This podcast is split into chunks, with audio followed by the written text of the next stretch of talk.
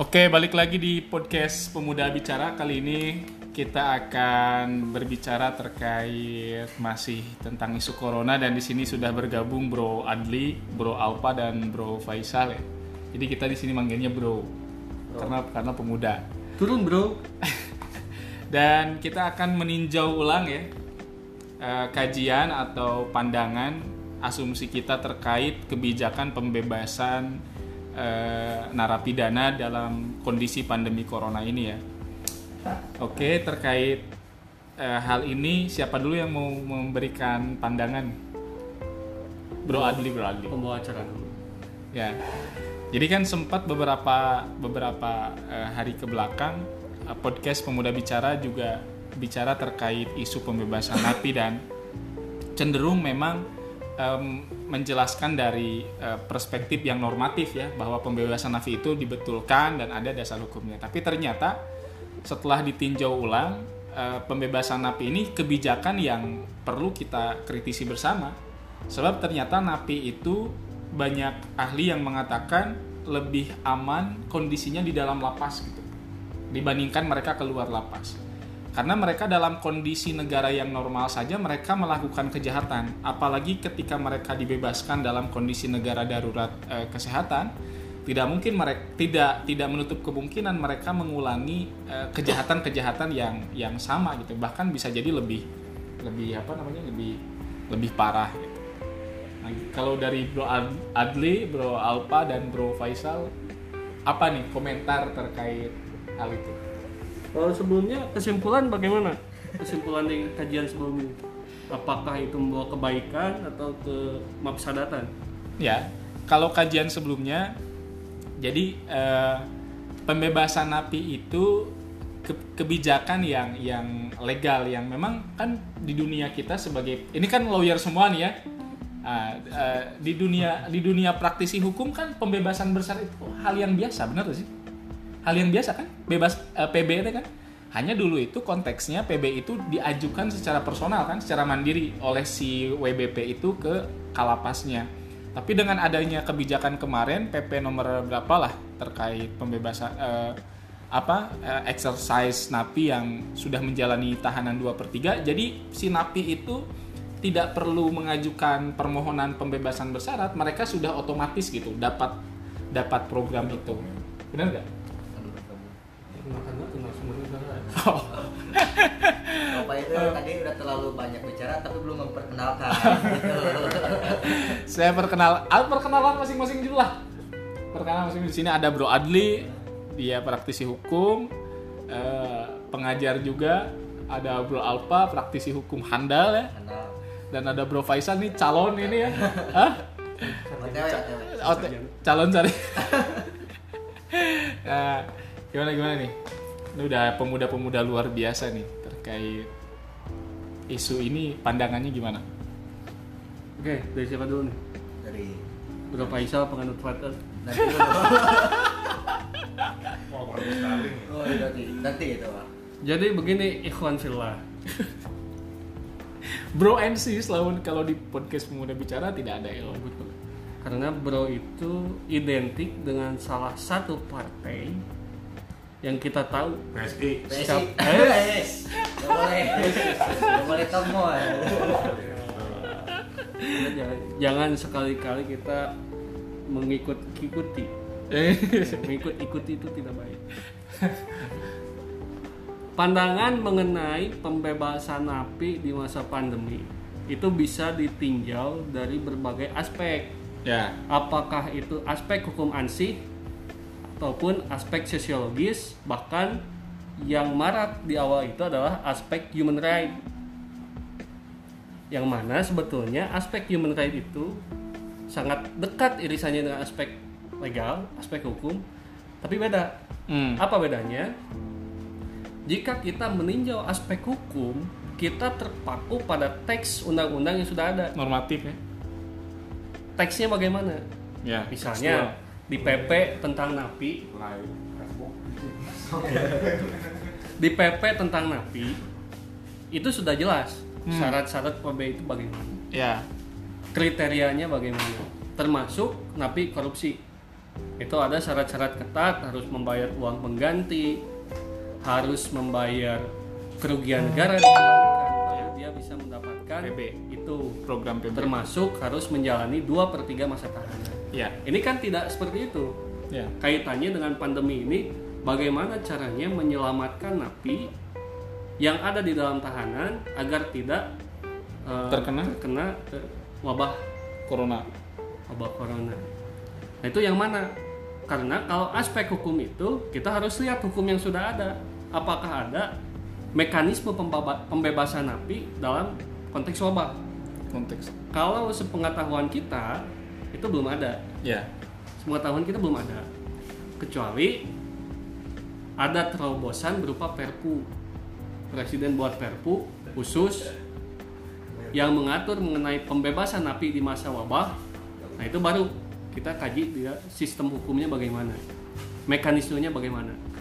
Nah, karena konteks kita pada saat ini tidak ada mekanisme pembebasan napi dalam menyelamatkan eh, jiwa dalam konteks wabah, ya. artinya tidak bisa dikaji secara konteks hukum an- ANSI harus dihubungkan dengan konteks HAM dihubungkan dengan konteks sosiologis. Berarti payung hukum ya, PP yang terbaru terkait pembebasan bersyarat itu tidak mencukupi ya untuk ditinjau dari segi ansih pembebasan napi bersyarat ini. Harus bentuknya perpu. Justru keluarnya PP tersebut adalah jawaban dari tinjauan-tinjauan human right dan sosiologis benar itu Memang- kan baru baru keluar baru setelah adanya wabah ya setelah PP adanya wabah tersebut. Nah, sejauh mana keberlakuan PP nanti itu kaitannya dengan aspek hukum. Itu kembali ke Undang-Undang 11 2012 tentang pembentukan peraturan perundang-undangan. sekarang udah ada udah ada penggantinya Ya. Undang-Undang 15 2019 Sejauh mana dalam undang-undang tersebut PP itu mengikat? Apakah bisa dikaitkan dengan PP yang lama?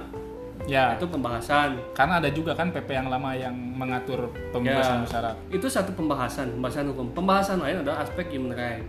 Di mana dalam aspek human right ini napi mempunyai hak yang sama sebagai warga negara untuk mendapatkan perlindungan kesehatan. ya betul Nah, jika tadi dihubungkan dengan pernyataan bahwa napi itu ternyata lebih aman di dalam, lapas bisa benar bisa tidak. hmm. Bisa benar apabila kondisi lapas itu memenuhi syarat-syarat human right. ya Dan di Indonesia itu hanya ada satu lapas dari sekian ribu lapas yang ada. Hanya ada satu lapas yang memenuhi standar human right. Itu namanya lapas Sukamiskin. hanya ada satu lapas. Namanya lapas Sukamiskin. Ya. yang kemarin disidak eh, oleh oleh Kementerian Hukum dan HAM juga kan Suka atau tidak, kita harus berkaca pada ketentuan internasional di mana lapas yang memenuhi standar human right itu seperti itu. ya Suka atau tidak? betul Suka atau tidak? Mengapa kita tidak suka lapas suka miskin dengan kondisi yang demikian? Satu sel, satu tahanan Hmm. Yang masing-masing mempunyai alat kelengkapan di sana. Kita tidak berbicara dengan pemasukan barang-barang ilegal. Kita lihatnya adalah fasilitas, yang fasilitas disediakan. yang dan dan itu ada dasar hukumnya gitu maksudnya ada dasar ada payung hukumnya. hukumnya Itu dasarnya adalah konvensi human right. ya Ya. internasional Napi itu punya hak yang sama. karena kalau kata saya kenapa kita tidak bisa menerima karena masyarakat kita masih memandang bahwa penjara itu adalah revenge balas dendam Ya. padahal kan tujuan pemidanaan bukan ke Bukan. Itulah kenapa penjara itu nama resminya kan lembaga pemasyarakatan Hmm. atau bahkan rumah tahanan. Narapidana di dalamnya disebutnya warga binaan pemasyarakatan WBP Kenapa disebut warga binaan pemasyarakatan? Karena di sana ada cita-cita bahwa warga di sana itu suatu saat kembali ke masyarakat jadi warga yang berguna. ya Jadi memang arahnya sudah beda. Selera masyarakat dengan aturan hukum itu sudah beda. Menimbulkan kegalauan di praktek. Nah itu, jika kembali pada apakah aman di luar atau di dalam, jika lapasnya atau rumah tahanannya memenuhi standar human right, memang lebih aman di dalam tahanan. hmm oke dan satu-satunya lapas yang Ya, punya standar itu bisa dicek. suka miskin Ada satu eh, seorang profesor ahli eh, panitensir, ahli lapas bahkan disertasi, eh, disertasinya membahas itu Profesor Dai Ravena Yunisba. Hmm. Itu hasil penelitian beliau. Kemudian sekarang dihubungkan dengan kondisi yang terjadi di Indonesia di mana ternyata lapas ini adalah eh, bisa dikatakan sama kondisinya dengan pemukiman kumuh Ya. Padat, over capacity, Ya. kesehatan warganya tidak terjamin, Ya. makanannya juga tidak terjamin. Dan itu itu- menjadi logis pembebasan tersebut. Oke. Pembebasan menjadi logis untuk apa? Untuk memenuhi standar hak warga negara. hum- human right tadi. Human right tadi dibebaskan saja karena kondisi di luar itu pasti lebih baik. Di dalam itu over capacity, satu tahanan yang harusnya muat hanya enam orang, Satu sel ya. ya satu satu sel harusnya enam orang, ini bisa 30 sampai 35 orang. Catatannya lapas yang pada umumnya Hmm. itu eh, bisa dicek sehingga dengan pernyataan tadi kalau kami mengambil kesimpulan bahwa napi memang punya hak untuk keluar terkecuali napi yang sudah memenuhi standar human right tadi di lapas suka miskin itu sudah tidak ada alasan untuk keluar semua haknya Oke. bisa dijamin di sana Oke. Bro Alpa gimana nih? Ya, saya lagi serak. Silakan. Bro Faisal, Bro Faisal. Tapi kan eh, bos terkait eh, pembebasan napi pada akhirnya ya eh, yang dibicarakan adalah ke depan side effect dari kebijakan ini ternyata dirasakan oleh masyarakat ada beberapa napi yang berulah kembali gitu pada akhirnya. Nah, Nah, ini ini, kesalahan ini konteksnya nih eh, maksudnya aspeknya dari dari mana nih dari sisi apa nih kesalahan ini? Memang memang eh, jika kita melihat satu permasalahan tidak bisa kita melihat permukaannya.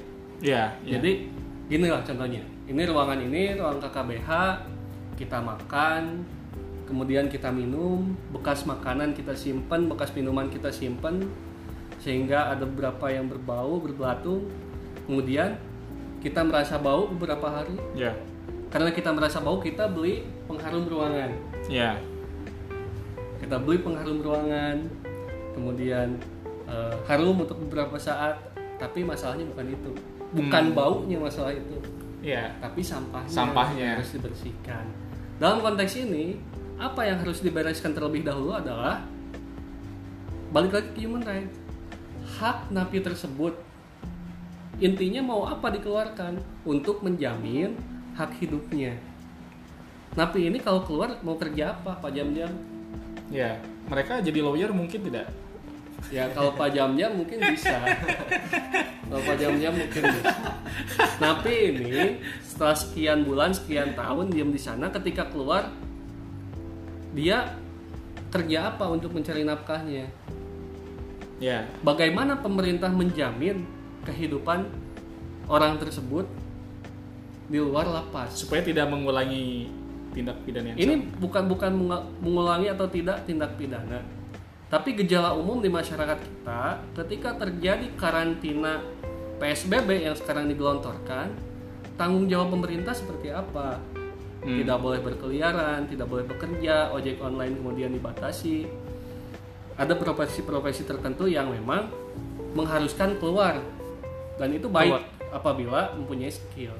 Ini napi ini dia orang yang baru ter- diterjunkan ke masyarakat tidak punya kerja, tidak punya penghasilan. Kalaupun dia mau berusaha dagang itu kan terbatas sekali pilihannya dalam kondisi seperti ini sehingga mungkin pilihannya adalah pilihan yang sudah akrab dengan dunianya gitu ya. dunianya. Jika awalnya dia mencuri, dia akan mencuri lagi. Untuk apa? Bukan untuk jahatnya, tapi untuk memang memenuhi kebutuhan hidupnya. Artinya memang kebijakan si Menteri Hukum dan HAM ini perlu ditinjau ulang atau Ini jangan bilang si beliau menteri. Beliau, bapak, bapak. Anda ingin masuk. Ya, jadi kebijakan Pak Yas. Pak Menteri ini eh, Mas Yas ini perlu ditinjau ulang sepertinya ya dalam konteks ini. memang kebijakan ini lebih banyak menyisakan pertanyaan daripada jawaban. Kenapa? Karena memang ketika napi tersebut melakukan tindak pidana untuk memenuhi standar hidup, solusi apa yang dilakukan oleh penegak hukum? Masukkan lagi ke tahanan. solusi apa? Masukin lagi ke tahanan.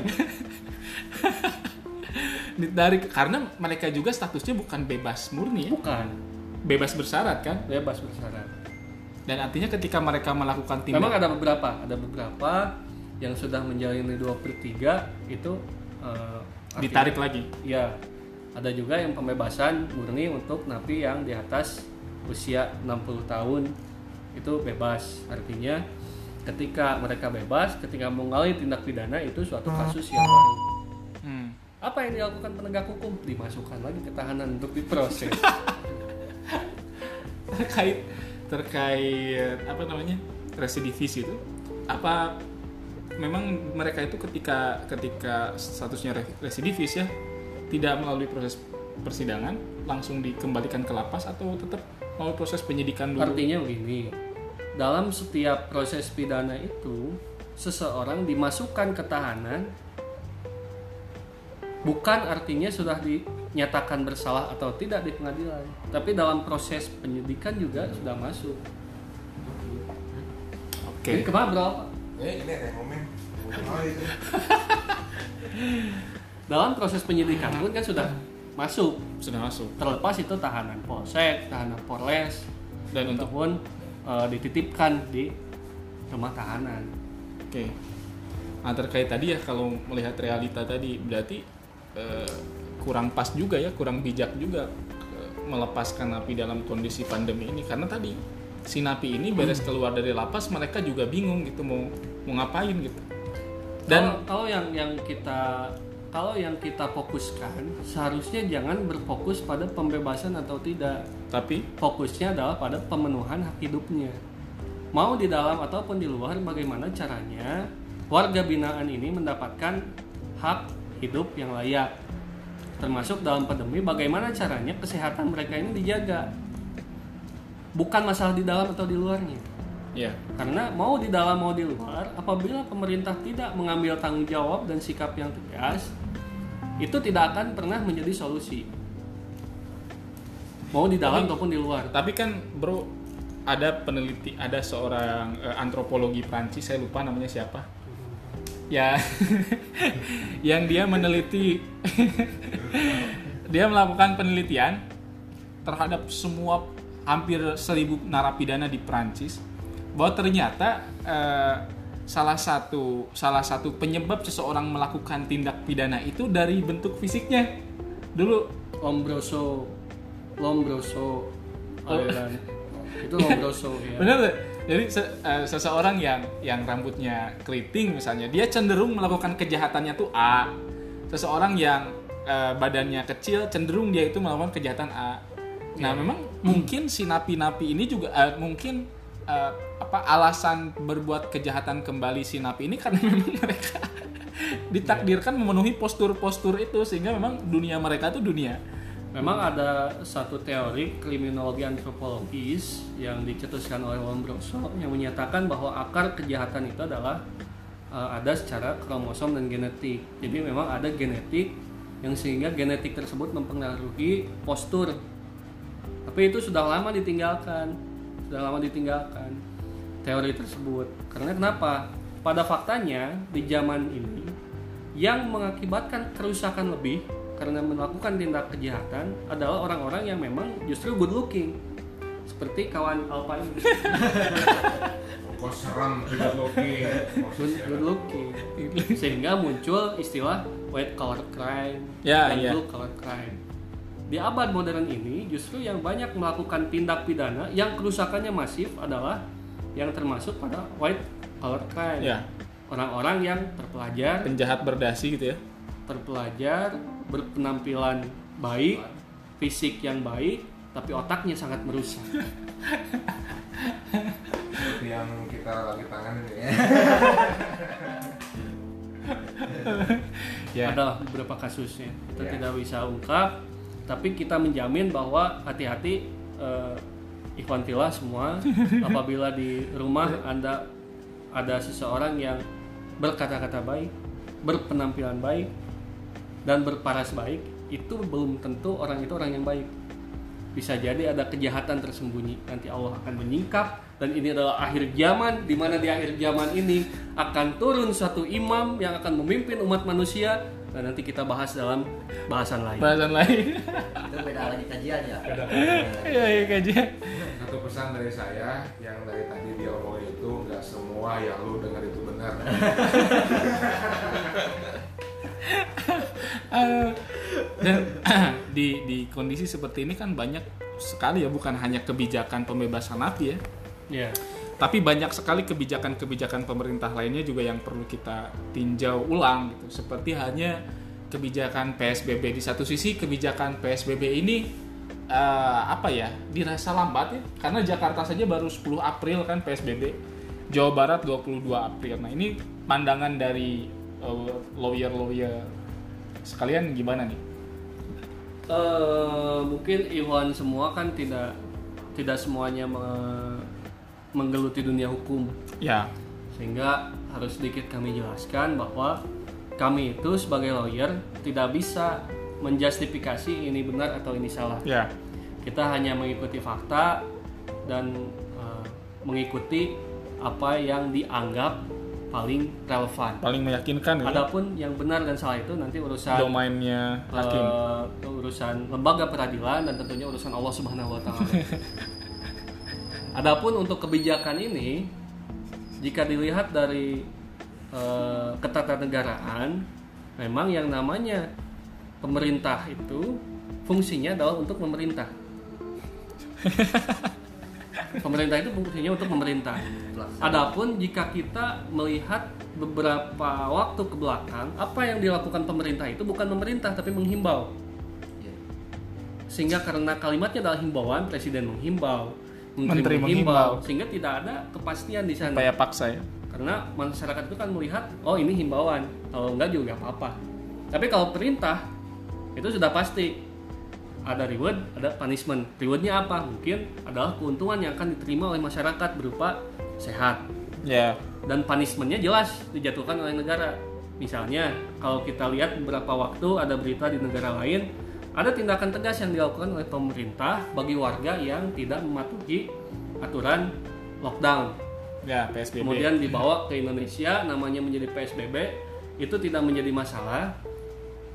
Sepanjang prinsipnya sama yaitu apa? Membatasi eh, ruang gerak masyarakat agar menekan jumlah Penularan. penularan. Ya. Nah ini tidak ada. Dari awal pemerintah itu hanya menghimbau bukan pemerintah nah jika ditinjau dari sudut pandang tata negara dan logika sederhana pemerintah itu memerintah Tapi yang mending, mending sekarang pemerintah sekarang itu mending dia itu mengimbau daripada pemerintah sebelumnya itu bilang itu saya prihatin saya prihatin. Nah, sudah subjektif. Tapi kalau misalnya pemerintah ini mudah-mudahan bro apa pulang dari sini selamat ya selamat ya, kita doakan selamat kita doakan supaya selamat. Bapak mau masuk ya.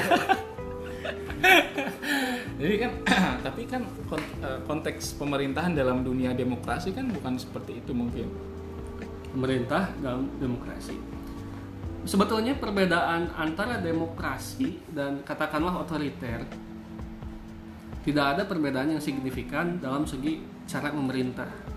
Yang berbeda adalah dari segi cara memperlakukan masyarakat. Contoh nah, Jadi ketika kita negara demokrasi bukan artinya negara menjadi tidak tegas. ya, Ya, misal pemerintah mengeluarkan kebijakan A, kebijakan itu berjalan. Yang membedakan otoriter dan demokrasi adalah otoriter kebijakan A tidak boleh dipertanyakan, tidak boleh didiskusikan, tidak boleh diperdebatkan, harus dilaksanakan. Tapi pemerintah demokrasi mengeluarkan kebijakan A tetap dilaksanakan, hanya saja bisa didiskusikan, seperti ini. bisa didiskusikan, bisa diperdebatkan, bahkan bisa dikritik. Ya, dan di bisa dikritik tapi kebijakan A dijalankan ya berjalan jadi bukan pada menjalankan kebijakan atau tidaknya tapi bagaimana masyarakat diberi hak untuk memperlakukan kebijakan tersebut selain daripada melaksanakan.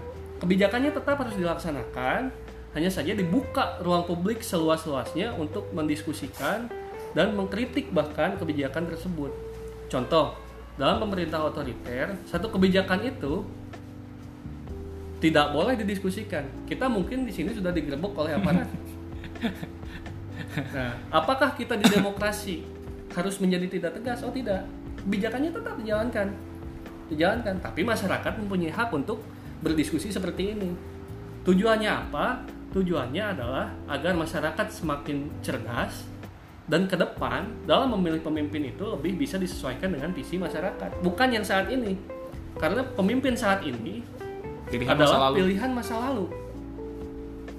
Yang apa pun kita pilih itu saat ini waktunya kita taati. Dan pemimpin juga tidak mempunyai hak dalam demokrasi ini untuk eh, mengkriminalisasi pihak-pihak yang melakukan diskusi seperti ini, Oke. yang mendebatkan kebijakannya seperti ini tidak. Sepanjang apa tetap dilaksanakan. Laksanakan dulu, tidak kehilangan ketegasan pemerintah itu. Itulah bedanya Antara Tetap demokrasi dengan antara demokrasi dengan otoriter. Bukan demokrasi itu menjadi eh, bukan demokrasi itu menjadi tidak tegas. ya artinya ruang sangat terbuka ruang Sangat untuk terbuka. berpendapat. Hanya fungsinya memang apa untuk kebijakan selanjutnya dan untuk memilih pemimpin selanjutnya. Ah, sebetulnya dalam kondisi pandemi seperti ini kita butuh eh, sosok pemerintah yang otoriter atau yang demokratis. Demokratis, Tetap demokratis. tetap demokratis. Sekali lagi bukan artinya demokratis itu menjadi tidak bijak. Hari ini ada kebijakan A, besok dikritisi oleh menteri. Atau menteri A ke- kemudian Mengkoreksi. mengeluarkan peraturan ini dikoreksi oleh menteri yang lain. Justru sekarang itu kan cerminan presiden mengeluarkan kebijakan A Ya. dikoreksi oleh menterinya. Ya, ya kita tidak bisa bilang itu benar atau salah, tapi itu cukup disayangkan. Saya saja. cukup disayangkan dan kami tegaskan di sini demokrasi tidak harus seperti itu. Hmm. Demokrasi tidak. Demokrasi tidak harus seperti itu. Silakan masyarakat mengkritik, silakan masyarakat berdebat, berdiskusi atas kebijakan itu, tapi tetap dilaksanakan. Oke. Karena kenapa? Itu pilihan kita loh. Atau pilihan kalian mayoritas yang memilih presiden ini, pilihan kalian itu semua. Laksanakan saja, jangan banyak eh, protes. Karena eh, apa namanya eh, kemarin kan kita dihadapkan pada satu informasi ya Pak Presiden langsung yang berpidato akan menerapkan PSBB pendisiplinan secara hukum dan kedua langkah ini disertai dengan darurat sipil. Nah ini kan konteks darurat sipil ini memakai eh, satu satu pijakan satu dasar hukum yang berdasarkan Perpu nomor eh, berapa? Nomor eh, Perpu nomor 59 tahun eh, tahun berapa? 65 gitu? Kalau tidak salah ya tahun 59 gitu. Oh Perpu nomor 23 tahun 59 nah ini gimana nih bro terkait darurat sipil ini? Apakah kondisi kita saat ini uh, perlu diberlakukan darurat sipil atau cukup finishnya itu atau ultimate dari kebijakan pemerintah itu PSBB gitu. bisa nggak setelah ketika pemerintah meninjau PSBB tidak tidak efektif Ya, bisa nggak mengambil langkah lain di antaranya darurat sipil untuk mendiskusikan ini sepertinya kita jangan terlalu serius panjang-panjang. Kenapa? Karena jika kita terlalu serius, kita akan mendapatkan eh, apa yang disebut oleh ilmu psikologi itu kesenjangan antara harapan dan kenyataan. yang dalam kesenjangan itu akan memperbesar eh, penyakit otak di sana yang namanya kekecewaan mendalam. confused ya Nah, artinya begini.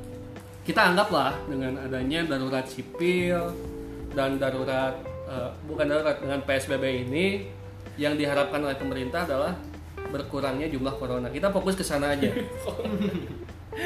korban korban corona Korban terdampak dari pandemi ya. ya Kita fokusnya ke sana aja. Eh, terserah pemerintah menggulirkan apa karena kita yakin yang kita nilai itu hasilnya. Yang kita nilai itu hasilnya. bukan proses. Bukan prosesnya. Masyarakat Indonesia kan senang menilai hasil, bukan prosesnya. Nah, itu yang eh, digulirkan oleh pemerintah karena kalau kita kaji secara serius kita kan harus membahas definisinya darurat sipil itu apa. Oh ternyata tidak sama. Oh ternyata syarat-syaratnya tidak memenuhi. Dasar hukumnya Iya, perpu. kita akan baper strong di sana. Kita akan mendapati kekecewaan yang mendalam terhadap pemerintah. Janganlah kita jangan seperti itu kita puji saja Bapak Presiden Joko Widodo bisa menyelesaikan ini semua dengan berbagai resepnya yaitu apa? Satu darurat sipil yang walau alam bagaimana pelaksananya dan juga PSBB anggaplah itu double kill. Anggaplah itu double kill.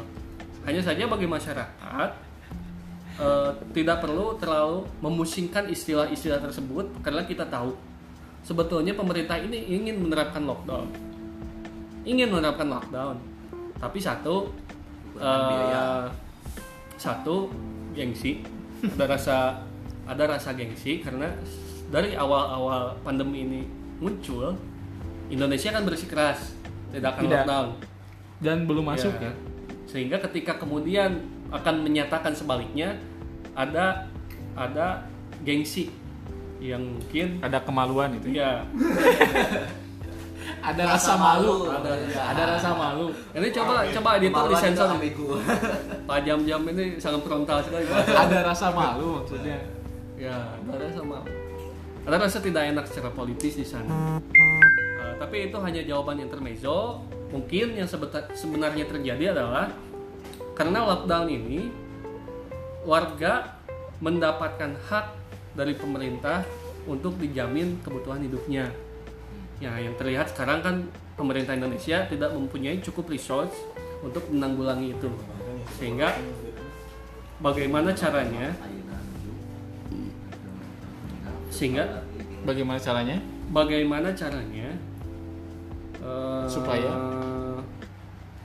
pemerintah mendapatkan manfaat dari lockdown tapi tidak melaksanakan kewajiban lockdown. Dibuatlah bahasa-bahasa yang luar biasa bagus sekali yaitu PSBB pembatasan sosial berskala Besar. barongsai.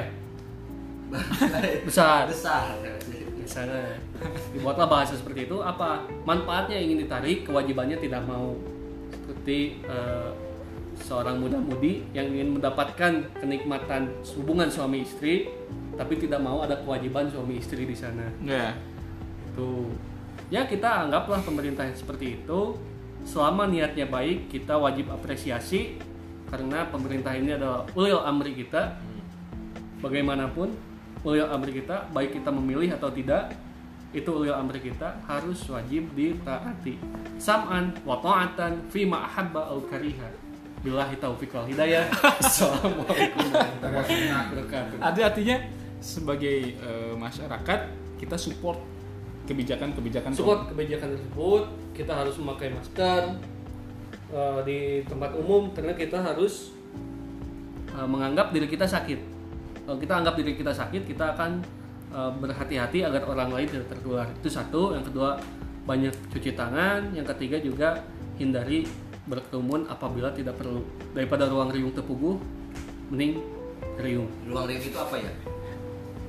Eh, dalam terminologi Sunda kan itu ruang riung itu adalah suatu kumpulan yang menyenangkan. Oh, ini.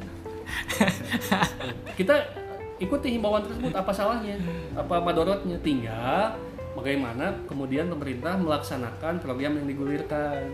Bantuan-bantuan sembako-sembako bagaimana caranya menjaga agar tidak banyak PHK yang kemudian saat ini banyak terjadi dan yang ketiga bagaimana caranya napi-napi balik lagi ke tadi napi-napi yang dibebaskan itu tidak menimbulkan masalah baru Oke. Ini bukan masalah baru cuman kalau artinya kalau kita mensupport kebijakan pemerintah terus siapa nanti yang akan memberikan sosial kontrol terhadap kebijakan-kebijakan itu maksudnya. dan support artinya tidak harus selalu memuji Artinya mem- mem- mengkritisi. Itu demokrasi itu seperti bagian itu. dari su- mensupport ya. Mensupport mensupport. Berjalannya. Kal- kalau kita melihat kawan kita melakukan kesalahan kan kita juga mengingatkan apabila benar uh, kita care dengan dia. Termasuk pemerintah kita care dengan pemerintah artinya apa? Yang bagus kita ikuti yang kurang-kurangnya kita kritisi mudah-mudahan didengarkan. Mudah-mudahan didengar. Kalau tidak tidak apa-apa kita bergantung hanya pada Allah saja. Oke, terima kasih nih Bro Adli, Bro Alpa ada yang mau disampaikan dan Bro Faisal ini. Coba coba tambahkan tambahkan. Tambahkan, tambahkan, tambahkan. Dari Jadi begini sebetulnya ini. Saya itu selain advokat ya, advokat yang ya baru seumur jagung lah. Tapi saya sangat-sangat tidak menyetujui dengan ya saya maaf maaf kata tidak sependapat dengan Bro Adli. eh, Mr. Adli ini. kenapa? karena kenapa? karena yang namanya eh, pemerintah itu itu sudah di desain di setting ya kan nanti tuh sih orang ngomong mesti tengah jangan ngomong dulu ikut Lanjut lanjut Lanjut, lanjut, lanjut. Jadi kalian kalian itu jangan mau dibodohi sama pemerintah Bapak pengen masuk. Hah? Wah, kayaknya sih ya. Wah, bisa diedit ya. Ya, ya, ya, apa-apa. Kan bebas, Yang penting, yang penting demokrasi. eh, kita di sini di studio mendoakan Pak Alfa ini bisa pulang dengan selamat. Iya. Oh. Termasuk eh, rekan-rekan Ikhwan Filah yang mendengarkan di mana pun anda berada. Lanjutkan. Lanjut, lanjut, lanjut. Menarik ini statement. Ini negara demokrasi, tidak apa-apa betul. Ismail. Bebas. Semayang saya tidak menyebutkan nama ya. Tidak nama, Nggak apa-apa. hanya inisial saja. Nggak apa-apa. Pak Luhut. itu dia yang ngomong ya, bukan saya. Kenapa masih menambahkan? Itu Mr. Atli itu yang ngomong, bukan saya tuh. Bapak anak sehat lah. Aduh. Anak sehat. Bapak jadi digerak. Jadi semua ini hanyalah sebuah konspirasi. Saya cak, saya setuju. Saya setuju. Saya Nanti dia berkuat sama uh, Mr. Faisal ya. Nah ini sebetulnya saya nggak setuju ada pembatasan sosial sep- seperti itu. Kasihan lah uh, orang-orang grassroots di bawah kan dia mencari nafkah. Ya sekarang kan tahu sendiri mereka nganggur nggak dapat penghasilan dan tidak dijamin sama pemerintah. Pemerintah menerapkan uh, apa kebijakan tapi tidak diberangi dengan uh, ininya apa uh, sejahteraannya gitu kan. Sekarang kan di mau dijanjiin per bulan 600 ribu kan sampai sekarang belum ada realisasinya, cuma baru ngedata doang. Nah gitu. Sebetulnya virus ini kalau dari dulu-dulu kita flashback itu kan virus-virus yang mau menyebar apa mematikan dikatakan eh, yang sekarang kemudian penyebarannya luas segala macam itu sebenarnya karena sekarang itu media tuh gampang diakses ke ke internet jadi terlalu di blow up gitu kan terlalu dibikin didramatisir jadi ogah-ogah ketakutan kayak gitu. coba kalau zaman sekarang itu seperti dulu nggak ada internet nggak ada apa pasti Gak ada medsos ini. biasa-biasa aja. Orang-orang 2010 kan ada Ebola kayak gitu SARS. Saya kuliah 2010 ah biasa-biasa aja saya cuek saya main saya main perempuan main apa udah udah mulai kita aja lah kalau ngomong suka nggak benar Ya, jadi mulai muncul perdebatan. Ada pihak-pihak yang ternyata tidak sepakat. Tidak apa-apa. Ini negara demokrasi. Boleh setuju, boleh tidak. Tapi kalau bisa ya diabaikan saja pernyataan tadi ya, hanya ya, yang terakhir, intermezzo aja intermezzo, sih. saya sih nggak berasa ngomongnya Kalau- Tapi- kalau saya ngomong itu eh, rata-rata nggak ini nggak apa akan tetapi eh, pernyataan eh, Ikhwan Alfa ini sebetulnya bisa kita pahami dalam perspektif lain. Artinya betapa pemerintah ini kehilangan public trust.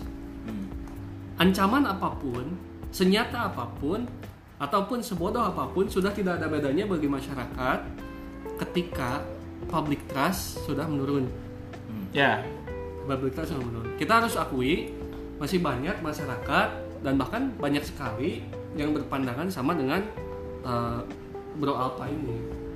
Banyak sekali katanya lu jangan bilang bro lu masih bilang bro mengikuti pajak. Oh. Kita menghargai yang punya lapak. oh iya iya Jadi seperti itu. Menjadi PR bagi pemerintah bagaimana agar pemerintah ini mempunyai kewibawaan satu ketika mengeluarkan statement satu berhati-hati uji datanya seperti apa buka dengan ahli-ahli baru keluarkan statement yang kedua ketika sekali mengeluarkan statement perkuat dengan jajaran pemerintah yang lain jangan sampai di internal pemerintah sen- sendiri banyak pertentangan Ya. itu menurunkan public trust yang ketiga ketika pemerintah sudah mengeluarkan statement yang hati-hati seragam di semua jajaran pemerintahan pelaksanaan dijaga agar tidak berbeda dengan statement. Nah, ketika hal-hal itu tidak dijaga, maka akan menurunkan public trust secara signifikan sehingga alih-alih masyarakat menurut pada pemerintahan yang ada adalah eh, pemberontakan pemikiran. Kerugiannya apa? Pemerintah sudah kehilangan kendali dalam menjaga kesehatan masyarakat. Ya bukan tidak mau tapi memang rakyat sudah tidak peduli saja. Ah bapak ngomong gini juga. Kan nggak tahu pelaksanaannya. Itu kan sudah menjadi suatu statement yang merugikan bagi kita semua gimana Bung Ilham coba di bungkus Bungkus. Bungkus. Kenapa kenapa? Jadi penting ya public trust itu untuk untuk eh, pemerintah itu sangat penting ya Penting public sekali. trust karena mereka juga kan dipilih oleh mayoritas masyarakat kita. Kalau mereka tidak menjaga kepercayaan masyarakat ya pada akhirnya eh, kebijakan apa pun langkah apa pun yang mereka ambil ya tanpa support dari masyarakat mau jadi apa gitu kan. Karena untuk mencapai satu satu ting, eh, apa satu tingkatan apa ya supremasi hukum tadi kebijakan pemerintah anggaplah satu hukum satu aturan. Untuk menegakkan hukum aturan itu tidak bisa hanya hukumnya yang baik, penegak hukumnya yang uh, punya integritas, adil dan jujur, tapi juga harus ada kesadaran dan kepedulian masyarakat terhadap pentingnya mengikuti aturan itu kan. termasuk eh, penegak hukum apabila eh, hanya membaca teks peraturan baik itu undang-undang ataupun PP dan sejenisnya hanya dibaca saja tanpa disinkronisasi, diharmonisasi dan dirapihkan dalam pelaksanaan. Hanya hanya bisa baca teks saja ya berarti mereka baru selamat dari eh, ancaman buta huruf. Buta huruf. baru selamat dari ancaman buta huruf. Karena und- hukum itu bukan undang-undang Betul, betul. bukan teks hukum itu adalah sinkronisasi Saya suka. Tapi sebentar Bapak juga sebagai penegak hukum dan sebagai lawyer itu Ya. penegak hukum. ya. penegak hukum yang bukan saya Saya sarankan sebaiknya hati-hati lah. Pulang dari rumah, pulang dari sini hati-hati lah. Ya, ini yang- termasuk pelajaran untuk para pendengar semua. Ketika kita ingin memahami satu hal dari aspek hukum, kita tidak cukup hanya membaca teksnya saja, tidak cukup membaca aturannya saja, tapi harus disinkronisasi teks ini dengan teks lain. Undang-undang ini dengan aturan turunannya, dengan aturan yang di atasnya, sehingga ada pemahaman utuh, itulah hukum, Ya komprehensif ya. komprehensif hukum itu. Tidak bisa kita PP PP-nya saja. Tidak Cek bisa. undang-undangnya bisa bisa jadi di PP-nya ada undang-undangnya nggak punya pijakan. Betul. Itu kan artinya tidak harus mengikat. Itu bisa digugurkan dengan mudah. Betul. Yang jadi kontradiksi itu Coba sekarang- coba Bang Ilham sebagai Oh, calon enggak, sarjana. enggak. Calon Saya mau sarjana. mau tanya dulu, mau tanya dulu. Oh, tanya. Oh, sesi pertanyaan, sesi tanya jawab. Enggak. Sesi tanya jawab. Sekarang kan lagi booming itu antara dua menteri mengeluarkan statement yang saling bertentangan antara Menteri Kesehatan dengan Menteri Perhubungan gitu tentang ojek online itu. Ojek online. Iya. Pengganti. Menhubnya kan sakit. Oh iya. Sekarang kan ada ininya. Iya. Itu bagaimana itu? Udah pertanyaan seperti itu. Sudah. Ah. Tinggal dijawab saja. baik, baik, baik. Sebetulnya mengenai kedua perbedaan kebijakan dari dua kementerian khususnya Menteri Kesehatan. uh, Kesehatan, Kesehatan, ya. Menkes dan Menteri Perhubungan. stafnya lah Oke. mungkin. Iya, Karena iya. menterinya sekarang positif gitu. Ah, Kan diganti itu sama LBP itu Menteri. kalau hemat kami, kalau hemat kami sebaiknya itu tidak perlu dipertanyakan. Karena kami juga tidak tahu jawaban. Tidak perlu diperdebatkan bukan. Oh, Oh, tidak perlu diperdebatkan. Jika Anda menghargai keselamatan jiwa. Iya.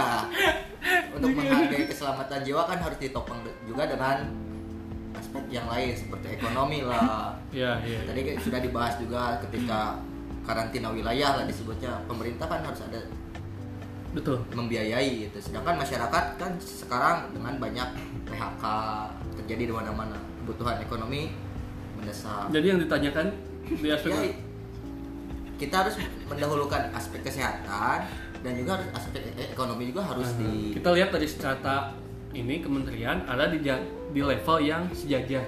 ya, Ada di level yang sejajar. Kemudian apabila kita memilih itu bukan pilihan. Memilih itu bukan pilihan. Sehingga bagaimana kesimpulannya? Kalau kami dari segi praktisi melihatnya ini peraturan yang belum bisa mengikat. belum bisa mengikat, belum bisa diimplementasikan, termasuk penegak hukum belum bisa menegakkan karena hukumnya belum Jelas. matang, belum jelas. Hmm. Ya, apabila kita memaksa untuk mengikat, ini kan masih jadi perdapatan di kalangan elit juga. Tidak bisa kita laksanakan dan masyarakat juga menjadi mempunyai dalil, argumen ketika akan dilakukan suatu tindakan, ini kan tidak boleh ojek online menarik penumpang. Ini kan masih ada aturan lain. Ya. Nah, sedangkan kewibawaan hukum itu tidak seperti itu implementasinya. Kewibawaan hukum itu adalah adanya keseragaman, Keselarasan adanya, ya. adanya selaras seluruh aturan hukum dan adanya unifikasi. Ya. Tidak dip- dipilah-pilah. Artinya tidak standar ganda hukum itu. Ketika masih menjadi standar ganda, masih ada dua aturan eh, sama di level yang sama yang saling bertentangan itu masih harus dikaji dan belum bisa diimplementasikan ke masyarakat. Dan penegak hukum yang berusaha menerapkan itu juga masih bisa diperdebatkan. Tidak punya legalitas sebetulnya. Siapa penegak hukumnya? Yang mau yang mau menegakkan aturan yang belum jelas Ya, jadi memang kalau ada laporkan ke kami. KKBH Persis Jalan Perintis Kemerdekaan nomor 2 sampai nomor 4 kita buka jam 11 sampai jam 2 siang kecuali uh, Hari kalau Jumat. kita tidak ada. Jadi betul ya, eh, kita juga butuh para penegak hukum yang melihat atau mem- apa mengaplikasikan hukum itu secara komprehensif tidak parsial ya. betul betul. Tidak bukan robot penegak hukum itu. Betul, bukan robot. Jadi dia harus membaca secara utuh. Artinya jarang juga memang penegak hukum yang membaca teks undang-undang itu secara komprehensif. Jadi diambil ruhnya, maksudnya dulu eh, apa lembaga legislasi kita, para ahli yang ada di dalamnya membuat hukum ini apa sih maksudnya? Sehingga dampaknya kan pada akhirnya eh, sangat dimungkinkan adanya apa ya kekeliruan ya dalam Betul. dalam praktik penegakan hukum itu sendiri. Praktis saja yang terjadi di masyarakat saat ini eh, penegak hukum itu mempelopori citra hukum di masyarakat. Ketika penegak hukum hanya mengambil sumber hukum yang menguntungkan atau sesuai keperluan, padahal ada hukum lain yang menyatakan berbeda atau ada pengecualian-pengecualian, pengecualiannya tidak diindahkan, itu kan menjadi hukum pilihan. Ya, Contoh ya. hukum undang-undang ITE. Padahal kan ada beberapa aspek yang harus diambil, diambil satu pasal saja sehingga hukuman menjadi sesuai keinginan. Betul. Itu hanya satu contoh dan contoh lain mungkin dalam PSBB ini. Sehingga baiknya masyarakat juga harus mempunyai literasi hukum yang memadai. Karena jika masyarakat tidak mempunyai literasi hukum, wawasan hukumnya kurang, akan sangat mudah sekali untuk dimanipulasi. Iya, iya. Akan sangat mudah sekali. Sehingga ya minimal gitu kan. Minimal harus punyalah masyarakat itu teman yang ngerti hukum satu atau dua. Bukan Ya. aparat ya, karena aparat itu tidak menjamin paham. Kadang-kadang aparat itu hanya pegawai operasional. Iya, iya. Pegawai operasional, eh, saya kan Bagaimana atasan? Kalau kata kan pimpinan kata pimpinan ini. ya. Ya saya kan hanya menjalankan undang-undang. Ya. Padahal menjalankan hukum itu bukan menjalankan undang-undang. Ketika kita bicara law, law itu berbeda dengan uh, uh, pasal, berbeda dengan undang-undang. Makanya sarjana itu sarjana hukum, bukan sarjana Ya, undang-undang. Betul, betul. Kalau lebih luas ya. Artinya teman itu tidak harus aparat ya, berarti akademisi orang yang kuliah di bidang hukum juga, berarti kan. Mahasiswa, Mahasiswa. ini kan. Nah, dan kalau dulu ada para pararegal ya, sampai sekarang nggak nggak ada. Pak. Betul itu bagus para legal. Oke, Bro Adli, Bro Alpa ada Oh. tuntas Kayaknya konspirasi harus kita buka di segmen, Segmen, khusus. segmen khusus Ya Mengenai ini konspirasi Mr. Faisal Oh, ini si Ade ini dia menganut blog oh gold earth gitu. Oh enggak, oh bukan saya itu open minded. waktu itu Oke. saya ke Pangandaran oh ini luas datar saya percaya bumi datar. Oh, ini udah masuk nanti- nanti di segmen masuk ini segmen berikut ya. Ya. Oke. Oke, eh, Bro and Sis, eh, pendengar setiap podcast Pemuda Bicara itu mungkin eh, kita bahas ju- tinjau ulang kebijakan pemerintah terkait pembebasan napi bersat juga eh, komponen pemerintah atau aspek-aspek lain terkait isu corona ini. Baik, terima kasih Bro Adli, Bro Alpa dan Bro Faisal atas Ya, waktunya. sama-sama. Nanti kita balik Siap. lagi di podcast Pemuda Bicara. Ini kabar-kabar kalau udah ada di PSI ya, lampu hijau. Maaf tadi partai PSI disebut ya.